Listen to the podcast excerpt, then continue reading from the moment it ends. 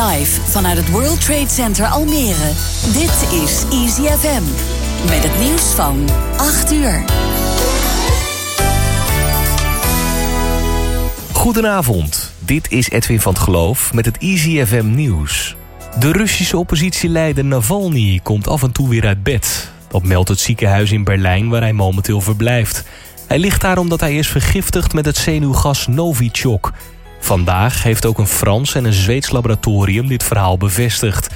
Het Kremlin heeft de vergiftiging altijd ontkend... en ziet vooralsnog geen aanwijzingen voor een misdrijf. De FNV eist 5% meer loon voor vitale beroepen. Dit geldt ook voor bedrijven die tijdens de coronacrisis succesvol zijn geweest.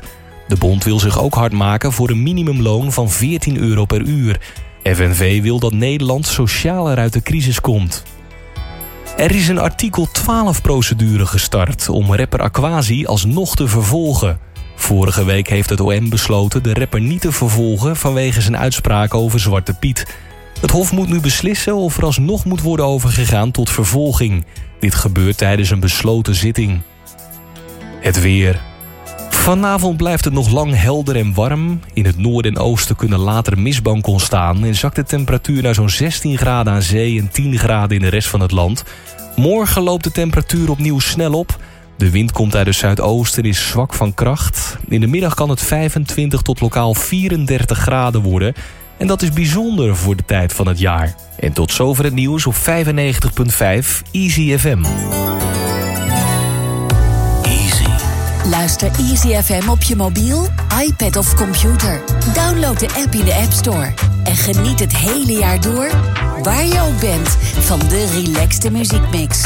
Dit is jouw Easy FM. Let's meet in the city. Op houtskool gegrilde dry-aged meat van topkwaliteit. Gewoon in Almere, bij Meat in the City. Eindelijk een plek waar smaak en beleving samenkomen. Voor ontbijt, lunch en diner. Of haal Meat in the City heel makkelijk in huis met de barbecue afhaalpakketten. Let's meet in the city. Koopmanstraat Almere. Ondernemen of vergaderen in Almere? WTC Almere biedt een professionele werkomgeving met kantoor- en vergaderruimtes. Met een unieke service direct naast het Centraal Station. Van starter tot multinational. Meer weten? Kom langs of bezoek onze website wtcalmere.nl. World Trade Center Almere. Voor eigentijds werken en ontspannen. Dit programma wordt mede mogelijk gemaakt door Horizon Flevoland en InnoFactory. Music that makes you feel good. Dit is Easy FM. Easy FM.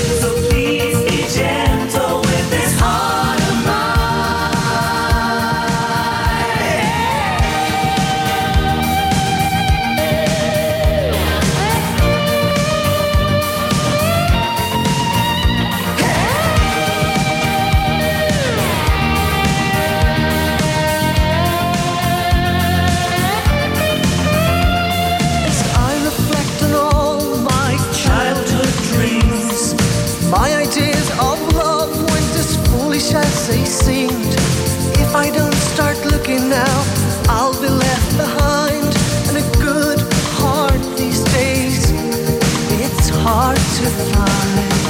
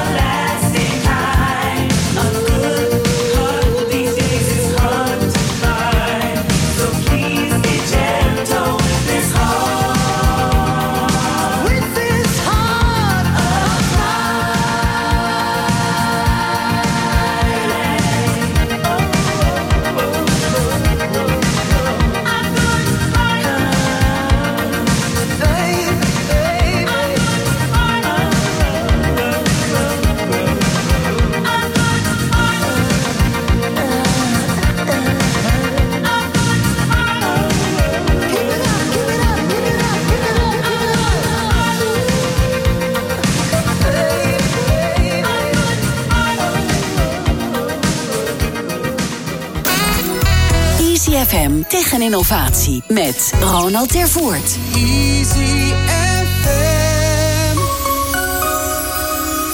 Goedenavond, welkom bij Easy FM Tegen Innovatie.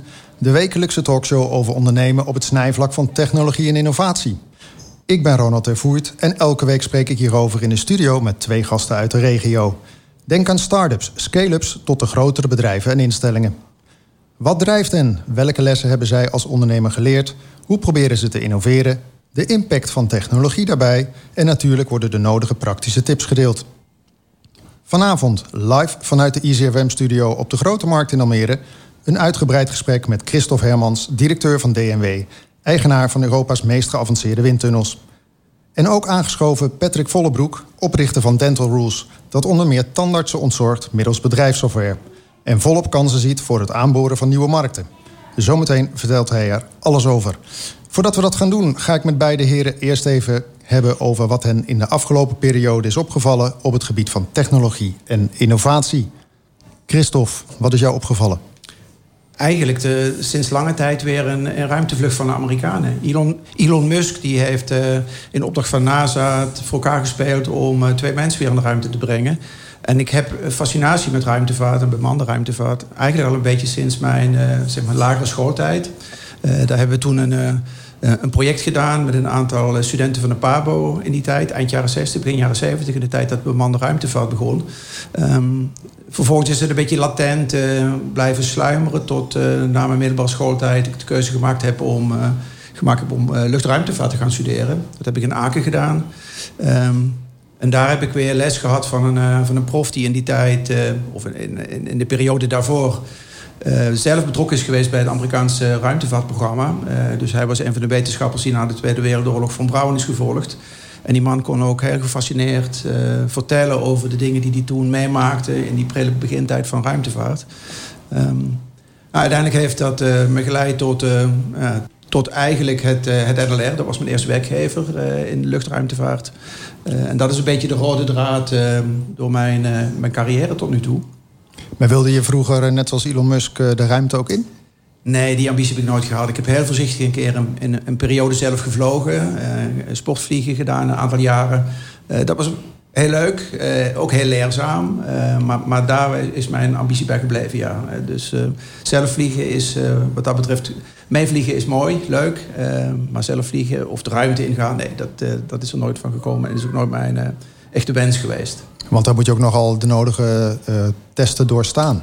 Ja, ik denk dat dat wat dat betreft, afgezien van het feit dat ik brildragend ben en waarschijnlijk dat al een handicap zou zijn geweest, ben ik ook niet iemand die heel goed tegen loopings en, en dat soort dingen kan. Dus ik zou waarschijnlijk nooit door dat soort fysieke testen zijn gerold. Nee. Oké, dankjewel. Patrick, wat is jou opgevallen in de afgelopen periode op het gebied van eh, technologie en innovatie? Ja, goed. De afgelopen tijd hebben we natuurlijk de, de COVID-19 eh, ja, in Nederland. En wat we daar zien is dat eh, ja, de reguliere zorg in Nederland niet plaats kon vinden. Hiervoor binnen ziekenhuizen en bij huisartsen. En daarbinnenin zien we nu ook dat heel veel gedigitaliseerd wordt. Ehm, dus dat je als patiënt thuis zit en dat ze dan via beeld toch kunnen communiceren met de arts. Eh, of dat een, eh, een tandarts eh, met een soort cameraatje in de borstel meegeeft aan de patiënt, zodat er een, tweeweeks check kan gebeuren na een operatie. Van hoe gaat nou het herstel in de mond? En dat gebeurt dan via zo'n cameraatje in, nou, in zo'n soort van tandenborstel. En ja, je ziet dat eerst wilden ze het allemaal van ja, dat kan niet, moet persoonlijk contact zijn. En door juist zo'n ontvreemding van COVID, dat je toch merkt van nee, het kan wel. Ehm, en je merkt ook dat ze merken van hé, het is eigenlijk nog heel veel, ja, heel handig om het te gebruiken. En ehm, ja, meestal de zorg loopt een beetje achter, meestal op technologievlak voor andere eh, gebieden. En wat je dan eh, nu ziet, is dat ze in één keer in vier maanden tijd dat, in- ja, dat inhalen. En ik denk dat het alleen maar positief is eh, voor de zorg in Nederland. Maar is dat iets wat op grote schaal gebruikt wordt, een eh, cameraatje en een tandenborstel? Nou, dit is wel een heel eh, specifiek geval wat ik nu omschreven heb. Op zich het concept wat ik nu omschreef, dat bestaat eigenlijk al een stuk of tien jaar. Ehm, alleen ja, heel veel tandartsen dat, ja, zien daar niet echt iets in. Die denken, ja, liever persoonlijk contact hebben. Dat snap ik ook wel. Eh, dat je elkaar goed in de ogen kan aankijken. Ehm, maar ja, het is gewoon efficiënt ook voor de patiënt. De patiënt hoeft daardoor niet te reizen, hoeft niet te wachten in de wachtkamer. Eh, en kan ook op het moment dat ze bepaalde dingen doen, bijvoorbeeld bij ehm, een, een, een arts, die heeft ehm, nou, bepaalde medicijnen voorgeschreven en die wil kijken of de patiënt het goed inneemt. Nou, eh, dat kan dus eigenlijk alleen maar op het moment dat ze het ook echt in moeten nemen. Eh, nou, dat zou helemaal logistiek moeten inplannen in een ziekenhuis. En nu is het een kwestie van even het beeld openen. Ehm, nou, de persoon zit eh, in de badkamer, neemt het in... en dan kan de arts meteen zien van, hey, doe je het goed? Of misschien moet je de volgende keer hier, hierop letten. Dus je ziet wel dat er een efficiëntieslag komt in, in dat soort stukken. En eigenlijk vinden we dat dan opeens best normaal. Hè? Ik bedoel, het, het wordt versneld door COVID of corona. Het is er. Ehm, maar het werkt ook nog. Ja, klopt. Het werkt ook in één keer. En, ehm, eh, en het heeft daarvoor eigenlijk altijd wel gewerkt. Alleen mensen die moesten over een drempel heen om het te kunnen gaan gebruiken. Eh, dat is hetzelfde als bij ons binnen Dentrols. Wij ehm, eh, nou, leveren een softwarepakket. Nou, normaal gesproken gingen we voor de COVID gingen we altijd langs om het uit te leggen. Want de, de mensen vonden het heel prettig als wij naast hem zaten en het handje eh, aannamen en hem doorheen te leiden. En nu door de COVID hebben we gezegd, nee, dat moet allemaal digitaal. En wat blijkt nou? We hebben veel meer contact met die klant door de tijd heen. Maar door ook veel effectiever en veel ja, gestuurder. Eh, en dan zie je één keer van die klant, oh, dat is eigenlijk veel prettiger. Dus- Oké, daar gaan we dadelijk nog even verder eh, op in. Ehm, ik wilde even beginnen bij de windtunnels. Kunnen we even alles lekker laten doorwaaien? Ook in de coronatijd moet dat. Christophe, kan jij kort uitleggen? Jij bent directeur van DNW. Nu zegt niet iedereen daar eh, meteen van, oh ja, vertel. Duits-Nederlandse windtunnels.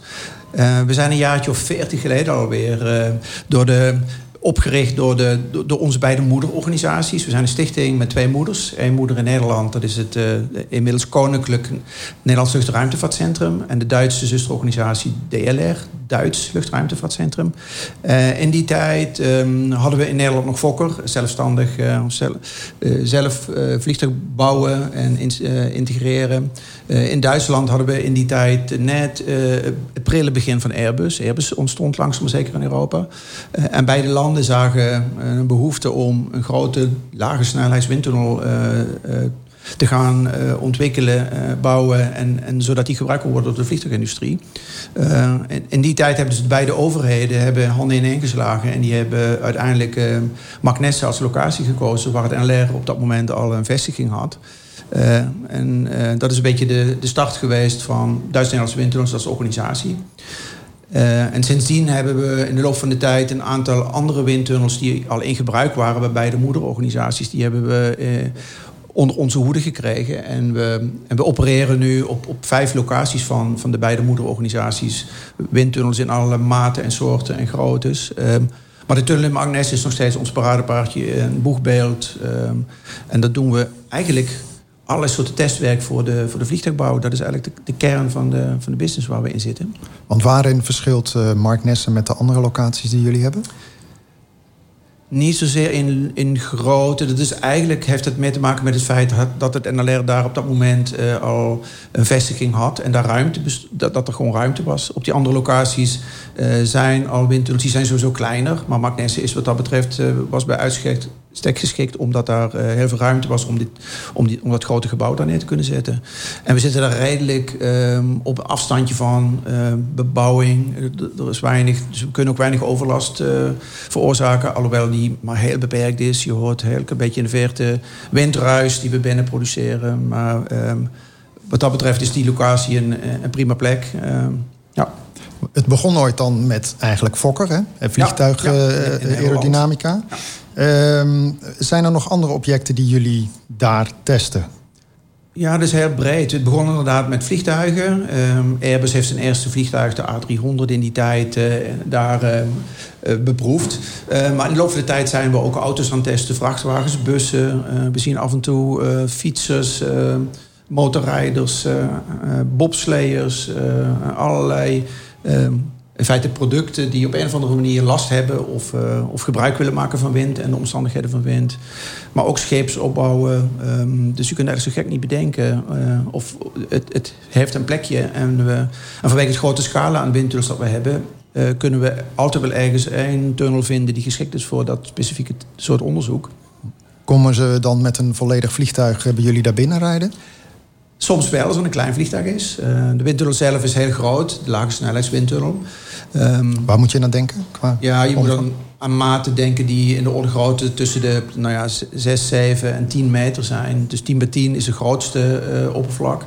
Dus dan heb je toch over eh, modellen of schaalmodellen van vliegtuigen die we dan meestal beproeven. Die eh, nou, zo'n beetje de grootte hebben van deze tafel, een meter of 4, 5 spanwijdte. Dus er zijn geschaalde modellen van vliegtuigen over het algemeen. Of als je naar één specifieke component wil kijken, een onderstel of een stukje vleugel, dan zijn het vaak gewoon echte producten of een eerste prototype van een product.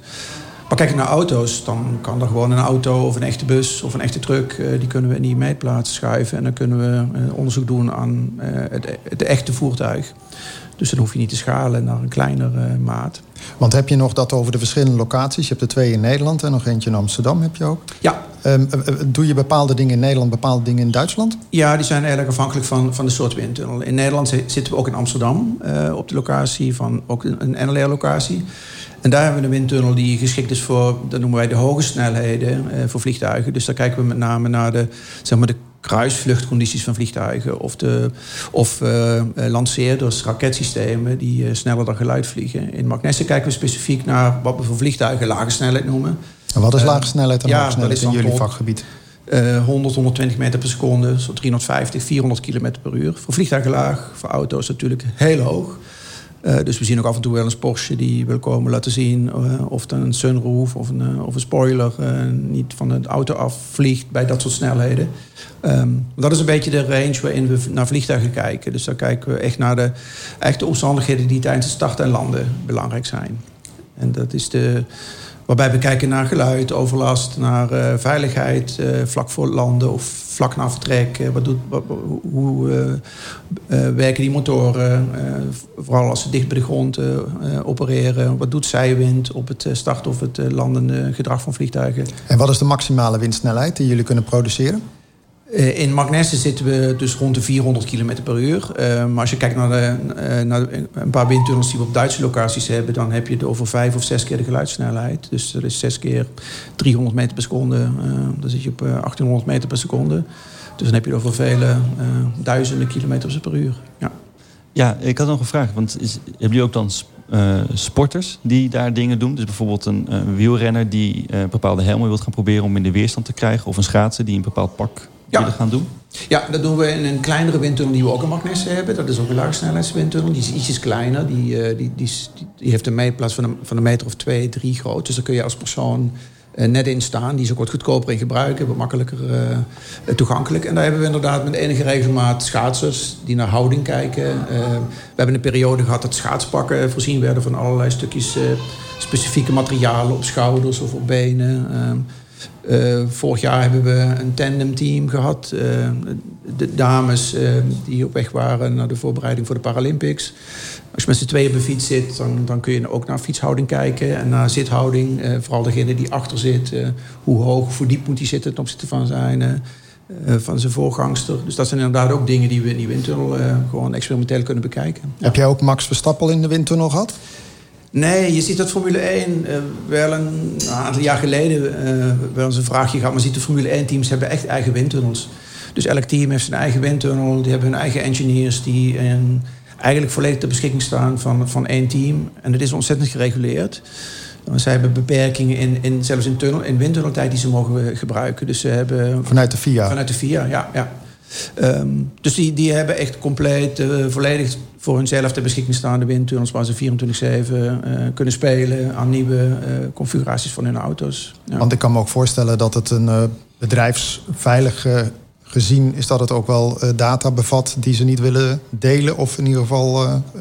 Ja, maar dat is, dat is wat- wat dat betreft niet, geen beperking voor ons. We zijn gewend dat klanten komen met producten, en vooral de auto-industrie.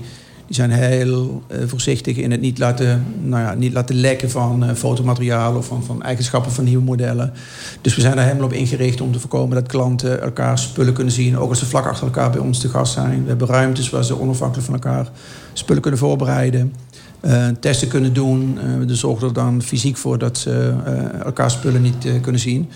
Kijk, we voorkomen niet dat ze daarna een biertje drinken in de buurt... omdat ze toevallig in hetzelfde hotel in Zwolle of in Magnesse of in eh, waar dan ook zitten. Maar dat is hun eigen verantwoordelijkheid.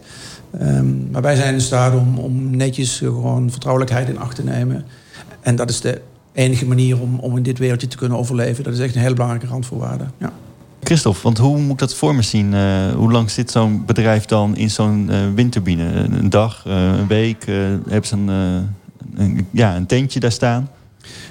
Nou, dat is he- heel verschillend. We hadden het net even over, eh, over wielrenners, schaatsers. eh. dus als we mensen hebben, dat, dat zijn meestal testjes die, die, die vaak niet langer dan een dag duren, eh, waar we een aantal dingen proberen.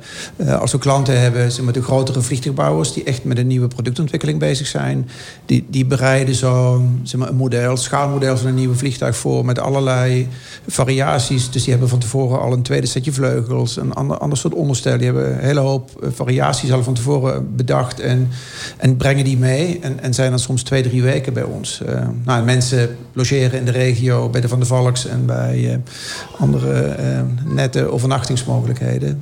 We zouden ze een tentje kunnen aanbieden, maar alhoewel ik volgens mij ook wel eens klanten zie die in de, in de regio, als ze wat langer bij ons zijn, gebruik maken van eh, ehm, zomer- en vakantiehuisjes, eh, omdat dat vaak toch goedkoper is dan eh, hotel voor langere tijd.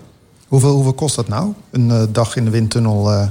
Is heel erg verschillend. Eh, hangt een beetje af van welke windtunnel.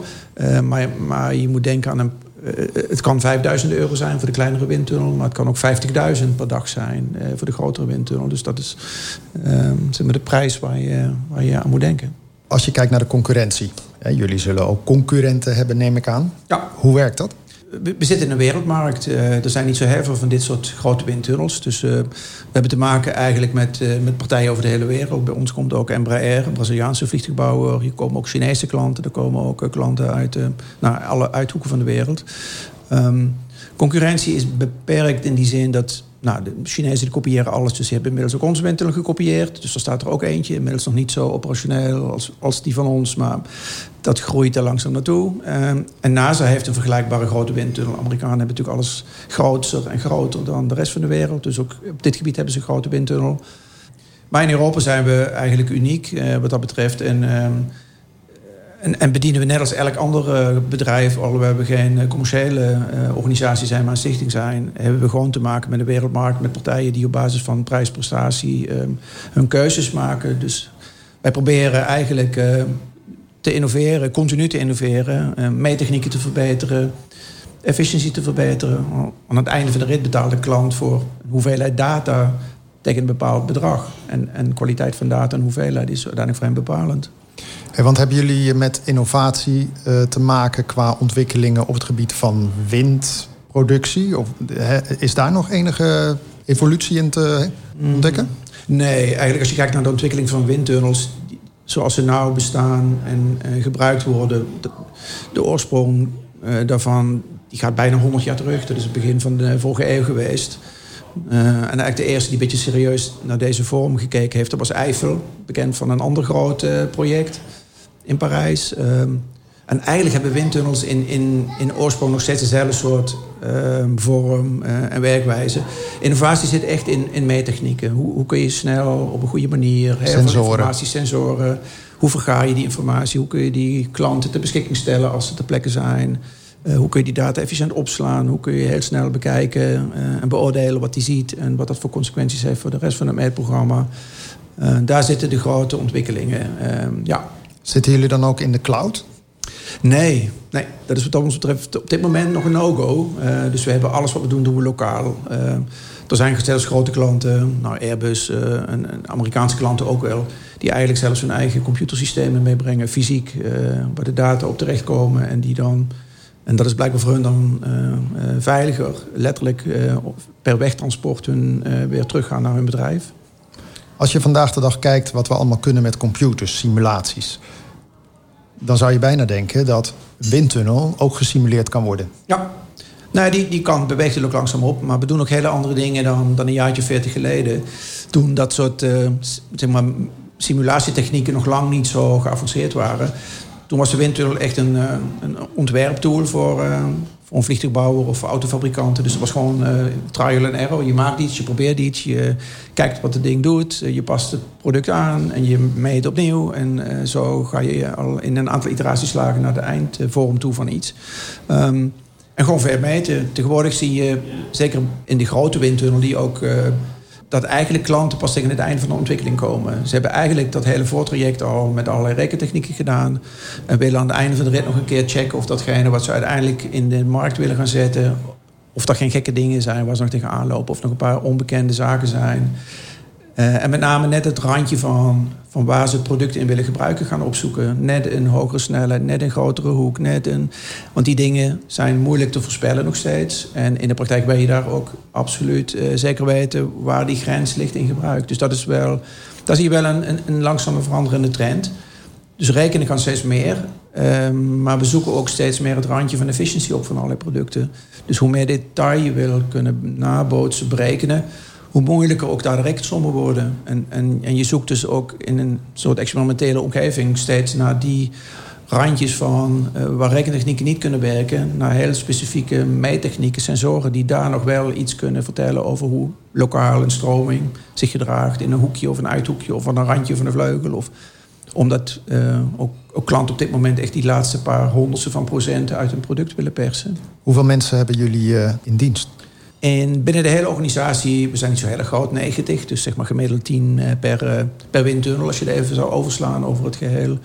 Eh, in Magnes eh, zitten we met een team van een man of 40, dat is de grootste club. Maar we proberen maar, de testen te bemannen met, met teams van de verschillende locaties. Dus zo efficiënt mogelijk mensen op die plekken in te zetten waar, waar klanten eh, behoeftes hebben. Maar we kunnen wel, en dat, dat is ons grote voordeel, terugvallen op expertise van onze beide moederorganisaties. We zitten daar op het terrein, we zijn daar deel van. Dus op het moment dat we eh, hele specifieke expertise nodig hebben, eh, of extra mancapaciteit of mankracht om een klus te kunnen klaren, kunnen we terugvallen op onze moederorganisaties die zowel kennis hebben en, en voor ons ook een beetje flexibele scheel zijn. Ik las op jullie eh, website dat jullie zelfs ook hebben meegewerkt met betrekking tot het coronavirus, COVID-19, en met de aerosol. Ja, dus Discussie? een, eh, een leuke. ehm, nou, je, no- je noemde het net al, eh, allerlei nieuwe ehm, zeg maar initiatieven die ontstaan eh, naar aanleiding van, van COVID. Luchtvaart is natuurlijk is uitermate hard getroffen, al heel snel bleek dat. De- dus, dus daarmee waren ook al heel snel vooral klanten uit de, meer de civiele luchtvaart die, die contracten uitstelden. Dus we hebben ook gekeken van waar kunnen we bijdragen en waar zien we mogelijkheden om de techniek die wij gebruiken, de technieken die wij beheersen, in te kunnen brengen. En, en zo is via via balletje gaan rollen en zijn we in contact gekomen met eh Radboud Universiteit, eh, inmiddels ook Universiteit eh, Utrecht, eh, de Technische Universiteit Delft, die naar binnenklimaten kijken, en eh, Erasmus MC, die aan het kijken zijn naar, naar die, die te proberen te begrijpen hoe virussen zich via aerosolen kunnen voortbewegen. En waar, waar wij goed in zijn, is eh, het, eh, het, het visualiseren van, van de stroming van lucht. Dus we hebben gekeken van wat kunnen we in zo'n soort setting... kunnen we zeg maar die, de beweging van lucht door een ruimte... of bij het uitademen van mensen... kijken naar effectiviteit van mondkapjes... kun je, die luchtstromen zichtbaar maken... waardoor je heel intuïtief kunt zien meteen... ehm, wat er gebeurt met het, eh, het uitademen... en, en hoe druppels zich voortplanten. Easy FM tegen innovatie met Ronald Tervoort.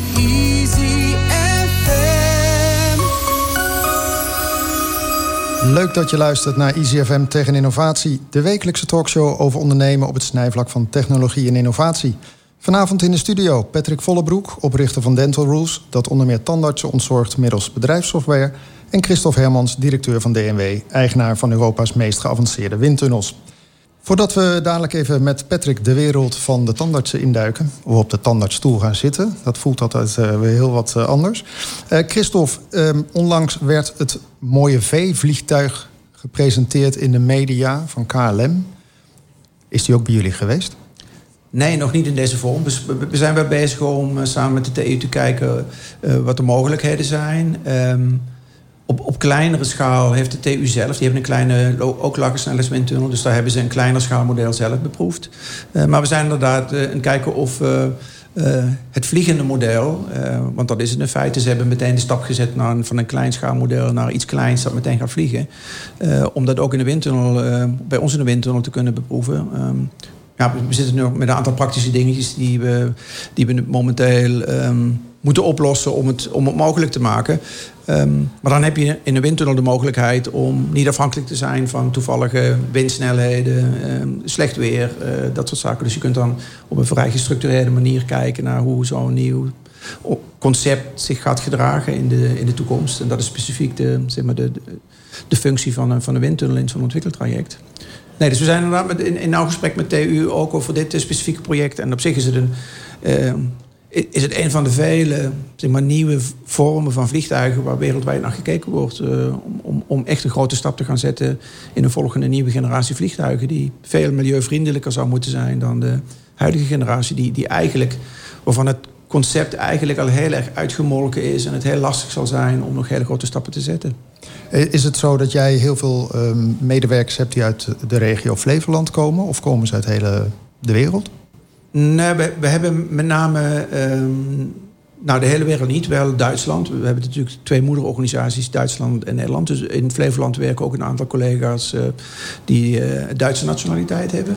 Um, en, maar, er zijn heel veel, uh, ik denk zeker de helft van de mensen die uit de regio daar geboren getogen is en, en bij ons werkt, dat klopt. Maar ook een aantal mensen die een, een vliegtuigbouwachtergrond hebben, die in Delft gestudeerd hebben, veelal. Um, en, die hebben een iets andere achtergrond. En die komen meestal ook uit, uh, niet, niet direct uit de regio alleen, maar uit, uit alle andere uithoeken van, van dit land. Tot slot even, nu zit je in Marknesse. Dat is historisch zo ontstaan. Daar ontstaat veel meer bedrijvigheid omheen... waar jullie ook weer de vruchten van plukken. Volgens mij het TNO ook bij jullie om de hoek. Uh, RDW mm, komt ook, Nee? TNO niet. Er zat vroeger Waterloo, het Waterloopkundig Lab zat aan de overkant. Maar die zijn inmiddels daar weer vertrokken. Maar ja, een mooie nieuwe ontwikkeling is RDW. Ja, die vanuit uh, Lelystad gaan verhuizen naar Marknesse toe. En, en zeker ook richting de toekomst van ons, waar we ons toch veel meer op, uh, op automotive willen gaan, uh, gaan richten, is die combinatie met RDW een hele mooie. Uh, RDW gaat hun testcircuit verplaatsen. En ze denken ook na over een duurzaamheidslab. En dat zou prima aansluiten bij maar het kunnen meten van, van weerstand van auto's. En zeker nu met allerlei stringentere nieuwe regelgeving op, na de dieselschandalen en allerlei andere toestanden die we wereldwijd kennen. Um, zijn, de, zijn regels aangescherpt ook voor het, uh, voor het mogen bouwen en in de markt mogen zetten van nieuwe auto's. En daar willen we een graantje van mee gaan pikken van die ontwikkeling. En, en de komst van de RDW gaat daar, die, ja, die, die gaat daar helpen. Dat is het ene ding. En, het, en echt nieuw zal zijn dat we ook samen met NLR en RDW aan het kijken zijn naar een soort uh, proeftuin voor het beproeven van, van nieuwe autonome concepten op de weg en, en door de lucht. Uh, een soort digicity-achtige uh, omgeving. Uh, waar je kunt gaan kijken naar wat, wat nou, zeg maar de connected mobility, wat, wat auto's gaan doen, hoe die autonoom door buurten gaan rijden, hoe dat interfereert met, met, met drones, die waarschijnlijk over tien jaar ook gemeengoed zullen zijn in de lucht. dus dat is ook een mooie nieuwe ontwikkeling in, in. Dank je hartelijk. Patrick, hoe innovatief is jouw tak van sport vandaag de dag?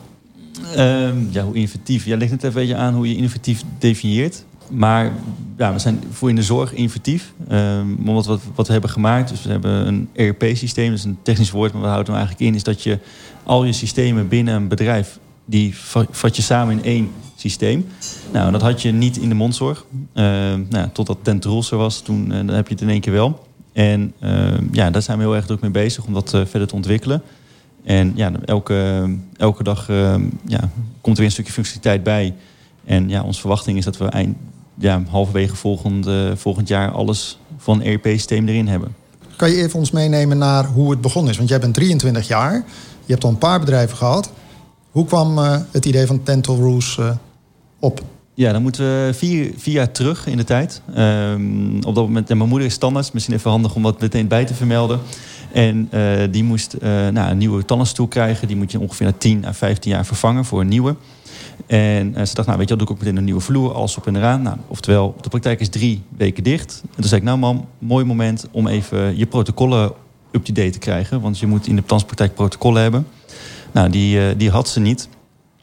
En toen zei ik, nou, weet je wat, dan gaan we het zo doen. Dan gaan we digitaal een, platform maken waar je protocollen in kan maken. En dat je dan eh, door de tijd heen eventueel wijzigingen kan maken. En dan kan je daardoor heen ook weer zien, oké, wat zijn de wijzigingen? Hebben mijn assistenten het gelezen? Hebben ze het afgetekend, et cetera?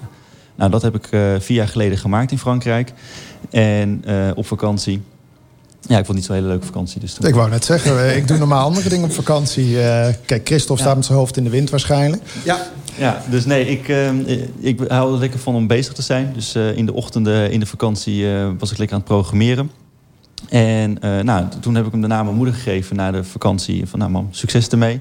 En ongeveer na drie kwart jaar, toen eh, kwam er een andere implantoloog in Amsterdam. Die gaf aan van, ja, eigenlijk zit, ik een beetje te pielen met die, met die bladen en zo. Ik, snap het allemaal niet. Toen zei mijn vader, oh nou, mijn zoon heeft iets gemaakt. Misschien is dat ook wat voor jou. Nou, daar heb ik hem eigenlijk aan, aan gegeven.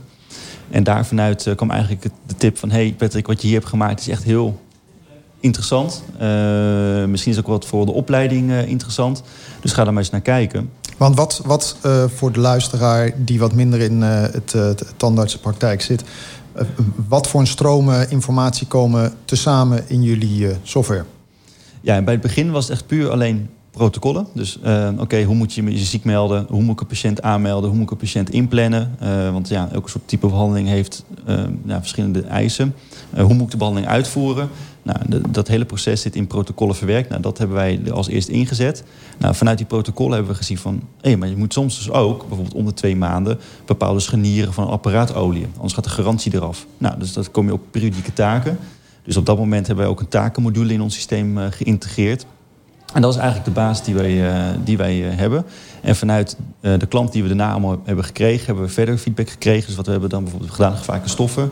Want in de transpraktijk heb je allemaal gevaarlijke stoffen. Dus er moet een risicoanalyse over gedaan worden. Nou, dat wordt geautomatiseerd.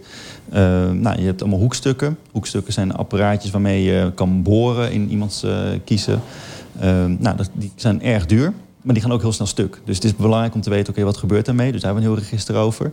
Nou, dan heb je nog heel veel wetgeving waar aan moet voldoen. Bijvoorbeeld de WKKGZ-wetgeving. Dat heeft te maken met kwaliteit, geschillen en geschillen in de zorg. Eh, nou, dan moet je ook allemaal bepaalde procedures volgen. Nou, die hebben allemaal geautomatiseerd, zodat je als standspraktijk weet... oké, ik moet nu dit gaan doen, ik moet nu dat gaan doen. Dat je ook zeker weet, oké, ik voldoe aan die wetgeving. Nou, en daaruit weer komt weer van... hé, hey, maar een personeelsdossier is ook één grote clue binnen de, mond, binnen de zorg. Eh, hepatitis B-vaccinaties, heb je wel de juiste diploma's en dat soort dingen. Nou, daar hebben we ook allemaal dingen op geautomatiseerd en eh, samengesteld. Eh daarvan uit weer kwamen we erachter dat er eigenlijk helemaal geen roosterplanning was voor tandartspraktijken. Wat, wat ze nu gebruikt was vooral voor horeca. Maar dat werkt niet binnen een tandartspraktijk, want je plant namelijk per stoel. Je moet per stoel weten, oké, dit is zo'n type behandeling. Dan moet ik een tandarts hebben en één assistent. Of ik moet een implantoloog hebben, hè, die zeg maar nepkies plaatst. ehm, en twee assistentes. Nou, op die manier hebben we daar dan weer een hele check op gebouwd... dat de juiste mensen daarin komen.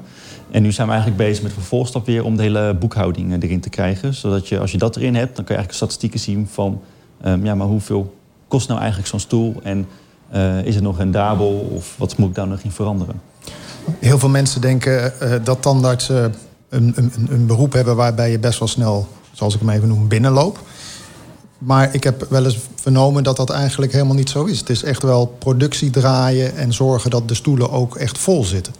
Ja, klopt. Een, eh, een stoel, ehm, eh, uit onderzoek blijkt dat ongeveer één stoel eh, draait ongeveer 250.000 euro omzet per jaar. Als je hem echt, zoals we dat noemen, niet koud hebben. Dus dat betekent dat je constant een patiënt erin moet hebben liggen. Ehm, en daarvan uit moet je natuurlijk de, nou, de tandarts zelf betalen. eh, de assistentes die daar rondlopen. De omloopassistentes, dus die eh de materialen weer schoonmaken. Nou, ook materiaal die wordt gebruikt binnen één behandeling moet eh, vervangen worden weer. Dus die moet dan ja, in, in verschillende apparaten komen. Nou, die apparaten zijn ook niet de goedkoopste. Eh, die moeten weer onderhouden worden. Eh, nou, heb je nog röntgenapparaten die constant gecheckt moeten worden. Eh, dat zijn ook namelijk hele, nou, best wel gevaarlijke dingen als je dat verkeerd eh, hanteert. Stel ze gaan lekken, dan heb je echt wel een probleem. Dus dat moet je ook heel goed op checken. Dus je hebt best wel een grote kostenposten die je hebt binnen een tandspraktijk... die je niet zo snel eh, ziet als, eh, als een patiënt. Eigenlijk ben jij een soort start-up. Een, een, eh, ontstaan vanuit een behoefte die eh, in de directe omgeving meteen was. Ik kan me voorstellen dat de markt waarop jij je nu begeeft... dat daar partijen eigenlijk aan de macht zijn... die toch met een beetje schuin zoiets hadden van... wat is die jongen eraan het doen? Ehm, ja en nee. Eh, kijk, we hebben eigenlijk eh, bijna geen concurrentie eh, van ons systeem. Dus wij zijn eigenlijk de enige die dit kunnen leveren. Er zijn wel een paar bedrijven die een onderdeel doen, wat wij doen. Alleen wij bieden een totaalpakket aan. Eh, en dan zijn wij ook nog zelfs ons pakket in totaliteit zelfs nog goedkoper dan die bedrijven die maar een deeltje leveren. Ehm, maar inderdaad, we hebben wel eens gehad dat we met bepaalde partijen die eh, een overkoepelende organisatie zijn van verschillende leveranciers, die dan weer vonden van ja, nee, we, we gaan niks met jullie doen.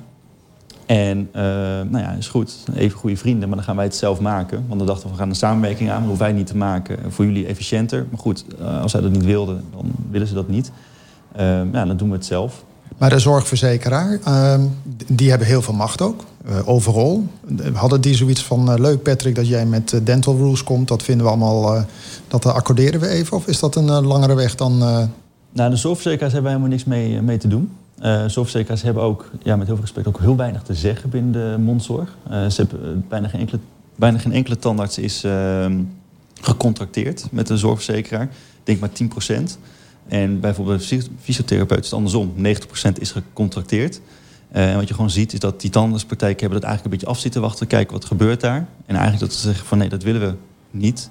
Ehm, dus die doen het eigenlijk ook niet. Dus wij hebben ook helemaal niks met zorgverzekeraars te maken of wat dan ook. We hebben echt puur te maken met de eigenaren van tandspraktijken. En wat je daarin ziet is dat ze heel blij zijn met de opkomst van Denteros. Want daardoor kunnen ze namelijk administratieve personeel een beetje ja, eruit ja, wat verminderen qua arbeidsintensiviteit. Eh, vroeger moesten ze per, per zieke moesten ze 20 minuten gaan zoeken. Oké, wie ga ik daar inplannen? Eh, op welke plekken? Wat moet ik doen? En in ons systeem heb je nu in vijf minuten een alternatief persoon. Heb je al de patiënten heringepland en ben je klaar. Dus je hebt een efficiëntieslag daarin. En je hebt veel meer eh, data, data vanuit ons systeem. Waardoor ik veel makkelijker met een leverancier kan praten. Van ja, jongens, jullie hebben nu al vijf keer dit apparaat deze, dit jaar gerepareerd. En elke keer is het die printplaat. Wat gaan we doen? Is het een slecht apparaat? Of doen jullie iets verkeerd? En dat, dat ze op die manier wat makkelijker kunnen gaan sturen. Ook op de kosten. Je zei net even dat eh, de kosten die jullie eh, doorberekenen lager zijn dan die eh, in de markt eh, eh, gehanteerd werden. Waar moeten we aan denken dan? Eh, vanuit ons, wat wij eh, Ja, vragen? jullie, eh, als ik bij jullie Dental Rules dit product afneem, Ja. hoe, hoe zit dat? Nou, bij ons is een licentiebasis. Dus je betaalt elk jaar betaal je een bedrag. En je hebt zeg maar een hoofdaccount. Dus dat is- het eerste account, dus de eerste locatie. Dat is dan 2200 euro. Ex-BTW. Ehm, en als je dan bijvoorbeeld een tweede locatie hebt, betaal je daar nog eens 1100 euro bij. Maar dan heb je wel het hele pakket wat wij hebben. Je kan natuurlijk ook in modules doen. Dus als je alleen maar de basis wilt, dan is het weer goedkoper, et cetera. Ehm, dus dat is ehm, wat wij eh, hanteren. En wat wij ook willen is gewoon juist ehm, ja, goedkoop zijn. Ja, niet, het product is niet goedkoop, maar wat we gewoon merken uit onderzoek ook... is dat als je, eh, ik zeg maar wat, een, een- lamp gaat aanvragen... of een lampen zetten in je, in je appartement of in je, eh, ja, in je bedrijf... dan als je het namens, gewoon namens Patrick doet... dan is de prijs ehm, eh, 1000 euro. En als je dat staan Patrick Tanspraktijk... dan was het in één keer 3000 euro. Van hetzelfde bedrijf, zelf, alles hetzelfde wat je wil. En dat willen we gewoon voorkomen. We willen gewoon niet, omdat er dental bij staat... dat in één keer eh, de, de prijs high wordt. Dus we willen gewoon eh, eerlijke prijzen. En eh, ja, je kan daar ook niet op bedingen. Ja, jullie hebben heel veel expertise op het gebied van tandartsen. Maar als je naar de processen kijkt, hoor ik eigenlijk dezelfde processen die bij ons in de organisatie ook, eh, ook spelen. Ehm, dus in zoverre denk ik dat wat jullie aan het doen zijn, volgens mij heel breed inzetbaar moet kunnen zijn ehm, eh, op hoofdlijnen. Wij, wij hebben ook een man- kwaliteitsmanagement systeem. We hebben ook processen waarbij we mensen moeten inplannen, spullen moeten inplannen. Ook wij moeten naar onderhoud van, van, van spullen kijken en tijdig vervangen van spullen. Dus ik hoor heel veel eh, analogieën in de zin van eh, een beetje op een afstand ernaar kijken. Heb, heb, heb jullie ook contacten buiten tandartswereld om, om, om te kijken of, of dit soort producten daar eh, behulpzaam kunnen zijn? Ja, zeker. We zijn aan het rond aan het kijken. We hebben eh, bijvoorbeeld de eerste apothekers zijn ook bij ons eh, nu eh, klant. We hebben ook een paar huisartsen al die bij ons nu zitten. En we zijn nu ook aan verder aan het experimenteren bij kinderdagverblijven. Dus ehm, eh, wat we eigenlijk doen is, we willen nu even binnen de zorg het verder uit, ehm, ja, de olievlek breder laten worden. Ehm, omdat we nu natuurlijk heel veel checks ook vanuit de zorg erin hebben gestopt. Hè, zoals de hepatitis B-vaccinaties of ehm, eh, background checks. Dus dat je, waar komen ze vandaan? Hebben ze klachten bij de IGJ? De IGJ is de inspectie eh, van, de, van de zorg. Kijken of, het, of iedereen het goed doet. Dus daar zijn we nu heel druk mee bezig. En inderdaad, er is al een keer voor de grap gezegd van... hé, hey, ik ken iemand bij in de vleesindustrie. En dan moeten we eigenlijk dit ook doen. Dus kunnen we het ook niet naar de vleesindustrie toebrengen. Dus inderdaad, eh, het is heel erg breed toepasbaar. Ehm, maar we denken wel van als je geconcentreerd blijft de eerste paar jaar... dat het wat succesvoller wordt dan dat je meteen heel breed gaat zijn. Dus we, we hebben eerst de afgelopen twee jaar vooral gefocust op, op de mondzorg. En nu zijn we een, een stapje verder aan het doen dat we naar de, de zorg gaan kijken. En ja, misschien over een paar jaar eh, weer verder. Maar op, op dat vlak wat eh, Christophe net aangeeft, kan ik me voorstellen dat andere partijen ook al jaren bezig zijn om eh, kwaliteitssoftware eh, of qua management te implementeren. Dan kom je in één keer in een ander speelveld, lijkt mij. Ja, het is een ander speelveld. Alleen het voordeel is, wat Christophe net ook zei... elk bedrijf heeft eigenlijk wel dezelfde processen. Alleen, het is altijd net ietsje anders. Of hè, ehm, eh, de planning bij ons is per stoel... en bij Christophe is misschien per locatie. Of, hè, dus je hebt net een ander, net een ander eh, manier van plannen. En dat is op zich niet heel vreemd of heel moeilijk om aan te passen. Alleen we vinden wel heel belangrijk dat we eerst kijken... oké, wat gebeurt er binnen die industrie... Wat zijn er de eisen van voor die industrie en kunnen we dat digitaliseren? Dus, hè, dus bij de apotheker heb je net iets andere incidentenformulieren dan bij tandspraktijken. Terwijl ze gewoon dezelfde wetgeving hebben, maar de apothekers zijn net wat geavanceerder erin, die zijn net wat dieper erin. Dat komt ook omdat zij bijvoorbeeld ISO 9001 veel vaker implementeren. Ook al is ons systeem ook binnen de tandartsen gewoon ISO 9001 proef. Er zijn heel veel partijen al die via ons systeem ISO 9001 halen. Certificaat hebben. Ja. Ja, een certificaat. En, en 9001 is dus kwaliteitsmanagement. Ehm, en sommigen zijn zelfs bezig om 27001 door te voeren in ons systeem. Dat heeft te maken met informatiebeveiliging. Ehm, eh, of andere weer, dat is misschien HKZ, dat is echt voor de zorg. Ja. ja. dus je hebt, we hebben heel veel verschillende soorten normen die in ons systeem kunnen. En we zijn nu bijvoorbeeld ook met de NEN in gesprek voor weer voor, ZZ, voor de eh thuis ZZP'ers, dus die, eh, die eh, ja, thuiszorg leveren. Die moeten een certificaat halen om aanbestedingen te kunnen gaan doen. Nou, daar zijn we ook in gesprek mee van kunnen we dat ja, via een digitaal systeem vermakkelijken, zodat het efficiënter wordt. Hey, een ander bedrijf dat jij hebt opgericht is Ticket Chief. En nog eentje heet Webvragen. Ja. Wat is de correlatie, rode draad in jouw ondernemerschap? Ja, kijk, het begon op mijn zestiende. Daar heb ik webvragen eh, opgericht op mijn middelbare school. Eh, ik ging daar sneller, eh, mijn wiskunde ging erg goed, dus ik heb versneld wiskunde gedaan. En in de tijd dat daar vrij kwam, moest ik iets anders gaan doen. Ik dacht van, ik ga een game maken. Het leek me wel interessant om te kijken hoe werkt dat dan en wat moet ik dan allemaal gaan maken. Maar goed, ik ben erachter gekomen, ik ben niet goed in tekenen. Dus toen dacht ik, ja, dan moet ik wel iemand hebben die voor mij een poppetje kan gaan tekenen. Ja, dat kost geld. En ik dacht bij mezelf, ja, ik zie niet dat het spelletje heel erg iets gaat worden. Dus ik moet niet ehm, mijn eigen geld erin gaan stoppen. Dus ik moet geld gaan verdienen om dat te gaan doen. Ik dacht van, nou weet je wat, dan ga ik websites maken. Want websites, ja, dat ik heb een laptop, ehm, ik heb internet, dus dat, dat kan makkelijk. En eh, toevallig was er een docent op de, op de, de middelbare school, Helen Parkers, die in Almere. En ehm, die zei van, nou, dan moet je een eigen bedrijf starten. Ik kan je hierbij helpen, dan moet je dit en dit doen. Ja, succes. En ehm, nou, dan heb ik een BV opgericht. Nou, dat kon eigenlijk niet op mijn zestiende. Dus mijn moeder heeft het opgericht. Heeft naar de aandelen aan mij geschonken. Hè, want anders moest je langs de rechter om eh, bekwaam te worden. Ehm, nou, daar heb ik veel in ontwikkeld. En toen kwamen twee vrienden van me. eh Stef en Teun. En die zeiden van, nou ja, eigenlijk eh, Ticketmaster. Ehm, dat zou nou vet zijn als we dat een goedkopere variant van maken. Want wat doet Ticketmaster? Ja, Ticketmaster die verkoopt tickets hè, aan, ehm, aan festivalgangers of aan eh, concertgangers. En ehm, nou, Ticket Chief doet eigenlijk hetzelfde. Alleen wij hebben dat bedacht voor middelbare scholen. Ehm, hoe zijn we erop gekomen? Eh Helen Parkers deed eerst gewoon de verkoop gewoon cash. Dus je betaalde 10 euro. Eh, dat ging dan in een laadje en dan kreeg je een kaartje. Het gevolg was dat soms de kaartjes op waren, werden de kaartjes onderhands doorverkocht voor 30 euro.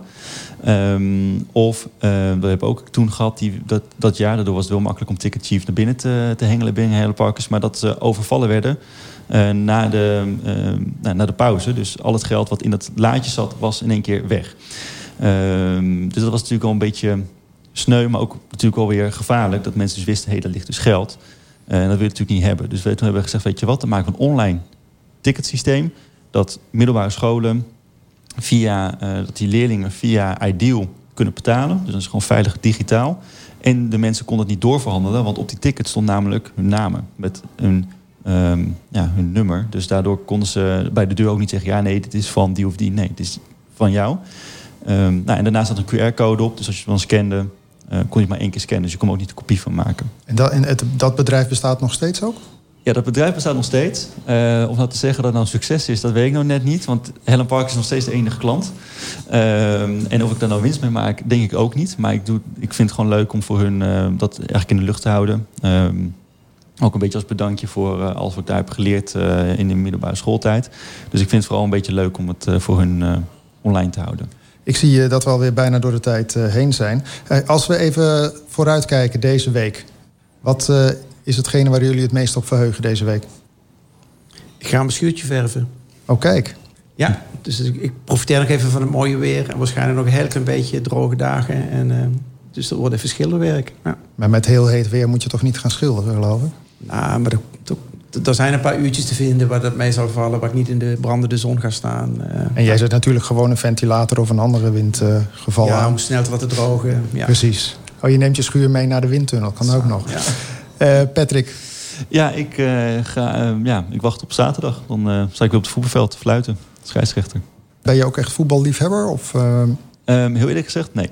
Ik eh, kijk eigenlijk geen voetbal. Eh, maar ik vind het wel heel leuk om eh, daar eh, leiding te geven aan 22 man op het veld. En eh, dat doe ik al vanaf mijn twaalfde. En eh, ik word nu eh, sinds twee jaar senioren dan, of voor de KVB. Dus ik doe ook namens de KVB ga ik dan eh, naar voetbalclubs toe. En eh, ja, dan kom je nog wel eens ergens. En dat is wel heel leuk. Dan eh, leer je ook een beetje leiding geven. Dan leer je daar echt heel goed. Zonder publiek? Ehm, het publiek is helaas nog, ook nu nog in de COVID ook aanwezig. En ehm, ehm, ja, die moet je gewoon uitschakelen. Dat leer je wel door de tijd heen.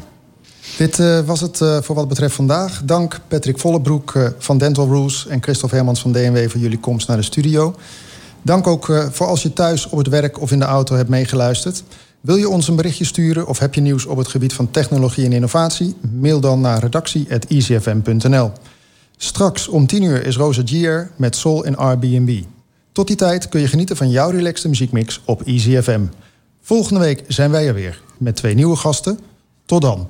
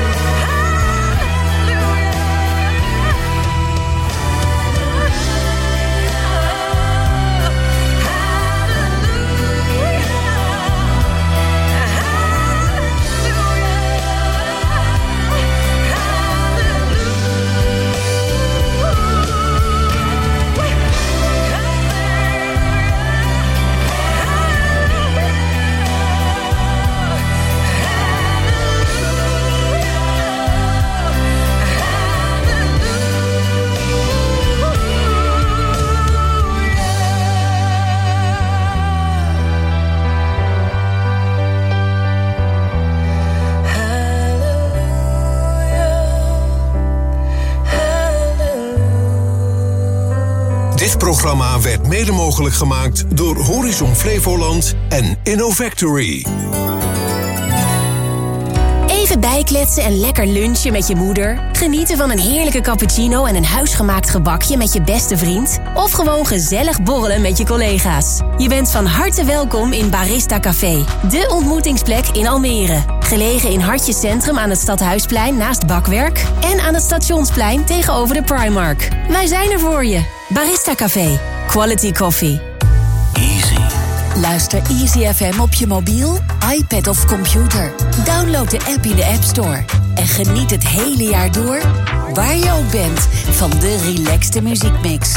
Dit is jouw Easy FM. Wist je dat 80% van het ziekteverzuim niet medisch is? Ben jij op zoek naar een arbodienstverlener die denkt in oplossingen? Dan is de Arbodienstverlening 2.0 van Recht door Zee Case Management echt iets voor jou. Wij werken samen met jou aan de inzetbaarheid van al jouw medewerkers. Zeg tijdig jouw huidige arbodienstverlener op, het liefst voor 1 oktober, en stap nu over. Ga naar rdzarbo.nl. Recht door Zee Case Management, omdat het om mensen en resultaat gaat. Recruit to Student. De perfecte match tussen talent en uw organisatie. Recruit to Student. Het talent van morgen, vandaag in huis. Altijd maar die kilo's wasgoed en dan uren strijken en vouwen. Maak je dan geen gebruik van de wastas? Nee?